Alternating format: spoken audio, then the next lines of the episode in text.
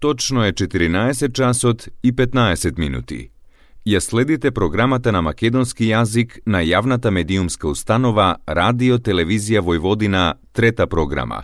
Емисија Македониум.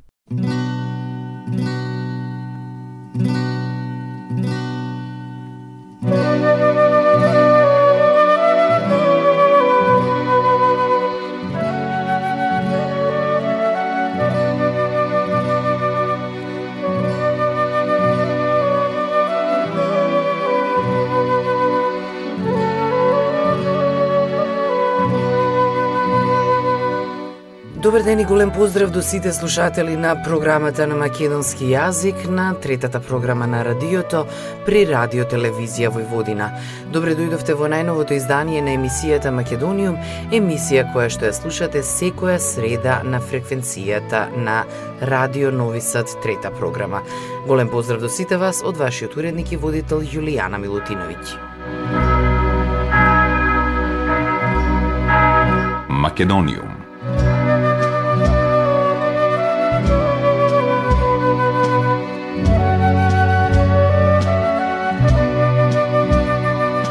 Културниот центар Вршец подпиша спогодби за работно-техничка соработка со Националниот совет на Македонската национална заедница и новинско-издавачката установа Македонски информативен и издавачки центар.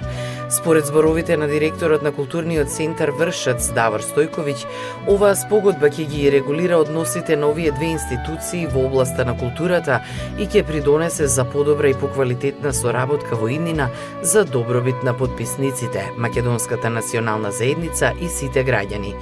Председателот на Советот на Македонската национална заедница Борче Величковски кажа дека со оваа спогодба само се потврдува традиционалното пријателство помеѓу Македонската национална заедница во Војводина и во град Вршац. Величковски рече, не е непознаница дека во Вршац живеат повеќе од 500 припадници на Македонската национална заедница. Во овој град имаме прекрасни пријатели, колеги и соработници со кои во последните десетина години одлично соработуваме. До сегашната соработка токму низ оваа спогодба ќе ја унапредиме годинава, кога започнува соработа Мешовитата комисија за пратење и имплементација на меѓудржавниот договор помеѓу владите на Србија и Македонија за правата на македонците во Србија и србите во Македонија. Со ова на најдобар начин сакаме да покажеме дека се грижиме за македонската заедница во Србија, односно Војводина, а резултатите од подпишувањето на оваа спогодба ќе ги видиме мошне брзо. Директорот на новинско-издавачката установа Ниумиц, односно Македонскиот информативен и издавачки центар, Озрен Симјановски рече дека подпишувањето на спогодбата представува надоградба на институционалната соработка која веќе постои со градските власти во Вршац и културниот центар Вршац. Меѓу другото тој рече дека значењето на оваа спогодба е токму во тоа што овозможува соработка и со мнозинскиот народ како и со другите национални заедници, која дава многу поширок круг на можности да се задоволат различните партикуларни интереси, со што ќе се артикулираат потребите на македонците и на сите заедници кои живеат во Вршац и околината, на кои можат да се понудат и содржини кои новинската установа ги пласира. На подпишувањето на оваа спогодба присуствуваше и членот на градскиот совет задолжен за култура доктор Трајан Качина, кој рече дека градот Вршац се труди да има добра соработка со сите национални малцинства и нивната култура да ја прикаже во прв план, за да може мнозинскиот народ уште подобро да го запознае богатството кое веќе постои. После вчерашното подпишување на спогодбата, закажани се повеќе состаноци на кои ќе се конкретизира идната меѓуинституционална соработка.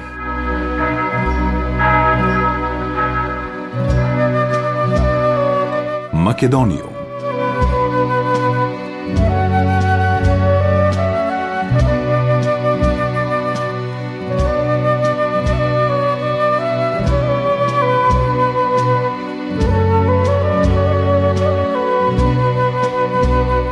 Преку вон наставни активности пораките од документарниот филм Медена земја кој во 2020 година се надпреваруваше за Оскар, се пренесуваат на учениците на возраст од 10 до 14 години. Младите учат колку е важно да ја заштитиме животната средина од уништување и колкава е важноста на пчелите за општото добро. Ова беше предвидено со меморандумот за соработка кој го подпишаа Министерствата за образование и наука и за животна средина и просторно планирање, Бирото за развој на образованието и приватните компании Фармахем и Аполо во Македонија. Тие заедно изработија едукативен пакет кој вчера беше представен пред јавноста, а веќе пилотира во основните училишта во 14 општини од Брегалничкиот регион, каде учат над 8000 ученици од 5 до 9 одделение. На вчерашната промоција на резултатите од овој заеднички проект, Министерот за образование и наука Јетон Шакири рече дека едукативниот пакет содржи три авторски дела, илустрирана книга за ученици од основно образование и две интерактивни игри кои се креирани на македонски, албански и турски јазик. Во едукативните материјали воведени се пораките од документарниот филм Медена земја и истите побудуваат љубопитност, учење и размена на искуства меѓу наставници и ученици, што овозможува унапредување на собствените вештини за доживотно учење, рече министерот Шакири, додавајќи дека проектот ја зацврсти соработката помеѓу институциите од јавниот, приватниот и меѓународниот сектор, а тоа пак, како што рече, носи зголемена и споделена одговорност за креирање услови за промена во образованието. Со овој креативен и уметнички производ, авторскиот тим овозможи одлуката на владата на Република Северна Македонија за промовирање на вредностите од филмот Медена земја да стане реалност, потенцираше Шакири. Појасни дека друштвената игра трае од половина час до 45 минути и овозможува секој од играчите различно да игра и различно да стигнува до победа. Од страна на авторскиот тим целосно се испочитувани петте принципи на играта како медиум за учење, од односно принципите за важност, интерактивност, уживање, активирање и повторување. Колку за подсетување, документарниот филм Медена земја на режисерите Тамара Котевска и Любомир Стефанов беше во најтесната конкуренција за освојување на две од најпрестижните златни статуетки на 92-то доделување на филмските награди. Во 2020 година, пред почетокот на пандемијата со COVID-19, македонските представници приредија изненадување со квалитет преку споделување на реална приказна за последната жена одгледувач на диви пчели во Европа, која живее во Сим симбиоза со природата. Медена земја го исфрли селото Бекирлија како централно место не само во филмската индустрија, туку и во светски рамки, токму со топлината и животната победничка филозофија на Атидже Муратова за еднаква распределба. Во меѓувреме филмот доби поддршка од владата за поголема промоција на пораките, особено помеѓу младата популација.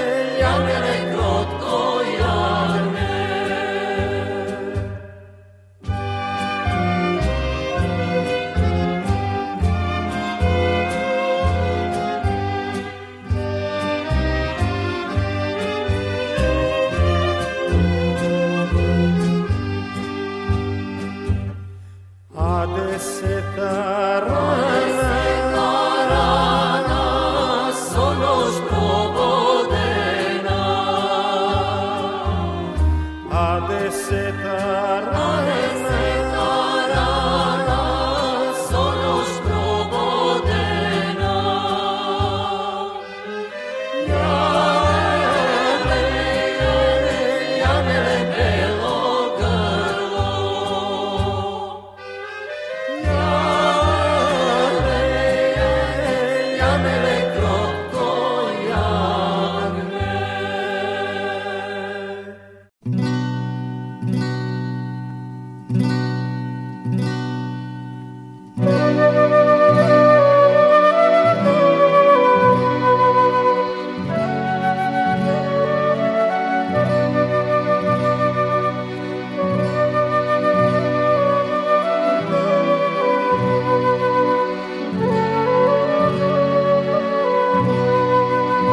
Македониум.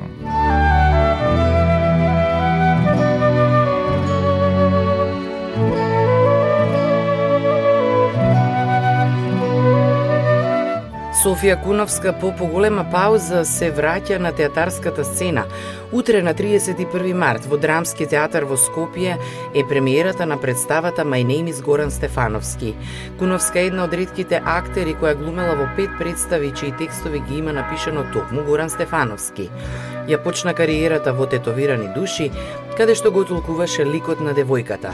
Тоа беше незината прва улога во театар и како што вели во интервју за Република, Горан и ги ставил првите крилја на грбот за да полета на сцената. Потоа следеа театарските улоги. Марта во Кула Вавилонска, Руса Марина во Чернодрински се враќа дома, Беба во Греф или Шприцер, Стела во Животот е сон, Мелстиха од Жени во Народното собрание, Хористка во Ојди Пустиранос, Сара во Диво Месо, втората жена Домот на Бернарда Алба, Елена во Летво место и Благуна во Македонска крвава свадба – Куновска беше дел и од многу успешниот ТВ проект на Горан Стефановски и Слободан Унковски Бушава азбука, а во незината селективна филмографија се запишани и Заминување од Пасквелија, Збогум на 20 век, Одмазда, Волци, едно од трите лица на смртта, Огледало, Средба и Скопје Ремикс. Горан Стефановски е нашето театарско семејство. Горан е нашиот Шекспир, нашиот Чехов, нашиот Сократ, вели Куновска. Представата Моето име е Горан Стефановски или во оригинал My name is Горан Стефановски е во режија на Бранислав Митјуновиќ. Таа опишана како интимна посвета на еден од најзначајните македонски и европски драматурзи, а содржи сцени од седум негови драми – Црна дупка, Лонг Плей, Сараево, Каза Балкан, Хотел Европа, Евро Алиен и Одисеја. Нив во целина ги адаптираше драматургот Бранислава Илиќ. Горан Стефановски е македонски драмски автор, универзитетски професор и академик представник е на модерната македонска драматургија и автор на сценарија за ТВ серии, ТВ филмови и драми. Драмските диалози во неговите дела и по 30 години ја одсликуваат актуелната стварност во Македонија. Тој беше роден на 27 април 52 година, а почина во ноември 2018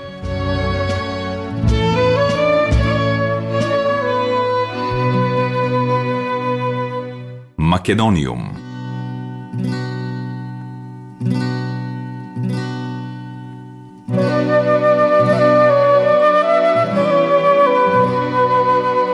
По цели две децении од последниот попис во 2002 година, денеска ќе бидат презентирани податоците од пописот на населението, домакинствата и становите во Република Северна Македонија, кој беше спроведен од 5 до 30 септември минатата година. Податоците ќе бидат објавени во салата на Македонската филхармонија пред представници на државни институции, на Евростат, на дипломатскиот кор, заводите за статистика од земјите од регионот Грција, Словенија, Хрватска, Чешка, Србија и други, откако предходно ќе бидат доделени благодарници на институциите кои придонеле за успешното спроведување на статистичката операција. Пописот уште пред неговиот почеток беше предмет на бројни критики, дали е статистичка или политичка операција, дали е според стандардите на Евростат, дали утврденоста и методологијата тоа го гарантира, се е по стандардите. Следени се сите елементи кои се дадени во методологијата за пописот, а таа е целосно усогласена со меѓународни стандарди. Нашата цел беше да направиме професионална статистичка операција и ја направивме. За Дојче Веле на македонски јазик изјави минатата недела директорот на Државниот завод за статистика Апостол Симовски. Иако беше речено дека податоци нема да бидат споделувани во јавноста, сепак еден медиум неофицијално објави податоци за бројот на резидентно и нерезидентно население во земјата, како и проценти од двете најголеми етнички заедници. Без разлика што пописот е многу повеќе од таков вид пребројување во политизираната македонска реалност, главното тежиште секогаш беше ставено токму на овој податок, особено по неуспешниот попис од 2011 година, кој започна и не заврши бидејќи беше прекинат поради политички несогласувања. Причините за тоа најдобро ги знаат тогашните коалициски партнери, но во јавноста остана впечатокот дека со прекинот на пописот било избегнато нереално штелување на етнички проценти.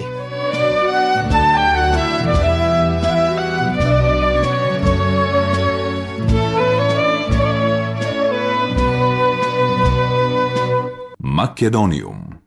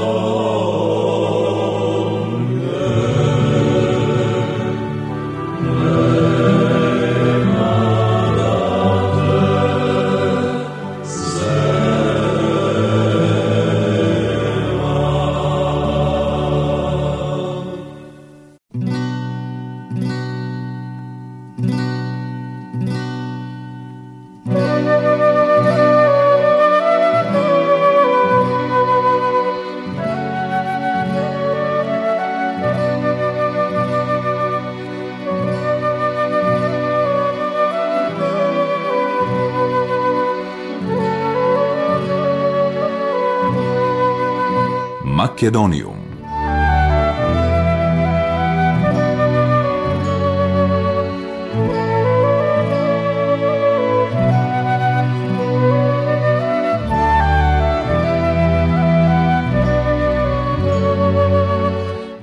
Конфликтот во Украина и се погласните меѓународни пораки за можно дестабилизирање на Балканот повторно го враќаат Балканот во фокусот на Брисел. Европската унија сакајќи да ја смири безбедноста и невралгичноста што се појави во овој регион, предизвикана од руско-украинскиот конфликт, испраќа сигнали и пораки до балканските земји дека не се откажала од нив и дека процесот на проширување ќе продолжи. Со тоа унијата се надева дека некако ќе ја смири тензичната атмосфера што се повеќе се прелева од Украина. Во такви околности во фокусот на Бризел се враќа и спорот меѓу Македонија и Бугарија, кој притиска земјата да направи нови компромиси и отстапки за да може да ги почне пристапните преговори. И повторно сето тоа би можело да се скрши врз грбот на Македонија над која се врши суптилен притисок и напипување на пулсот до каде е подготвена да оди со прифаќањето нови безкомпромисни идеи, бидејќи Европската унија засега се носи со впечатокот дека само на тој начин официјална Софија би можела да го откочи почетокот на преговорите. Потврда дека се притиска за нов компромис неодамна стигна од високиот представник за надворешна политика и безбедност на Европската Унија, Жозеп Борел, а на тоа се надоврза и Сузане Шуц, директорка за земјите од Западен Балкан при Министерството за надворешни работи на Германија, која откако предходно беше во Софија дојде во Скопје да види какво е тукашното расположение за некакви статистики и отстапки. Шуц јасно стави до знаење дека ако земјата сака да преговара со Европската Унија, тогаш некои компромиси ќе бидат необходни, а тешкото прашање е колку далеку да се оди со компромис. Ако се знае дека Бугарија не отстапува од декларацијата донесена во нивното Народно собрание во 2019 година, а во која јасно е наведено дека тие не прифаќаат македонски јазик и македонски идентитет, тогаш нема никаква дилема дали за нив компромисот треба да се бара во прифаќањето некакви модулации за толкувањето на идентитетот и јазикот, секакво во нивна полза. Од друга страна, за Македонија е целосно неприфатливо да прави било какви компромиси за идентитетот и јазикот, а овој свој став го запечати и со резолуција во Македонското собрание поддржана и изгласана од сите политички партии. Сето ова наведува на заклучок дека без оглед на повеќето пораки што стигнуваат од разни меѓународни емисари, земјата повеќе нема простор да прави никакви компромиси, а најмалку ако тие се однесуваат на идентитетот на македонскиот народ и неговиот јазик. Таков компромис дефинитивно ќе ја запечати судбината на македонската нација и држава.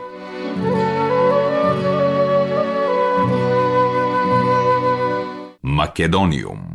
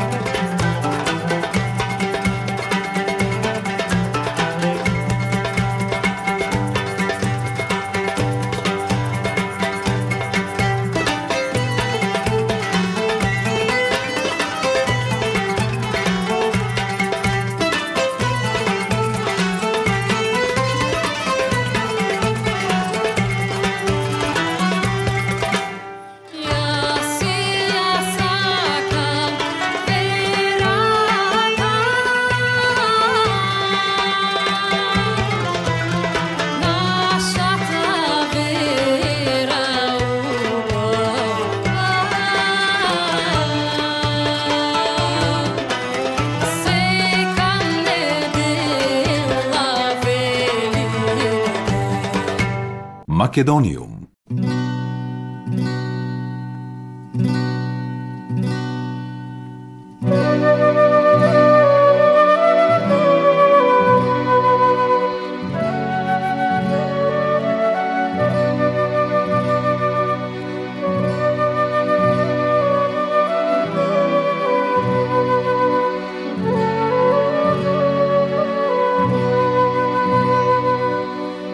Почитувани слушатели, тоа беше се во денешното издание на емисијата Македонијум.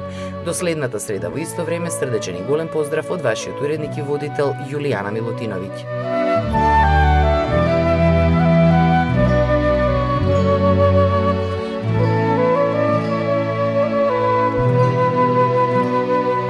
Ја следевте програмата на македонски јазик, емисија Македониум.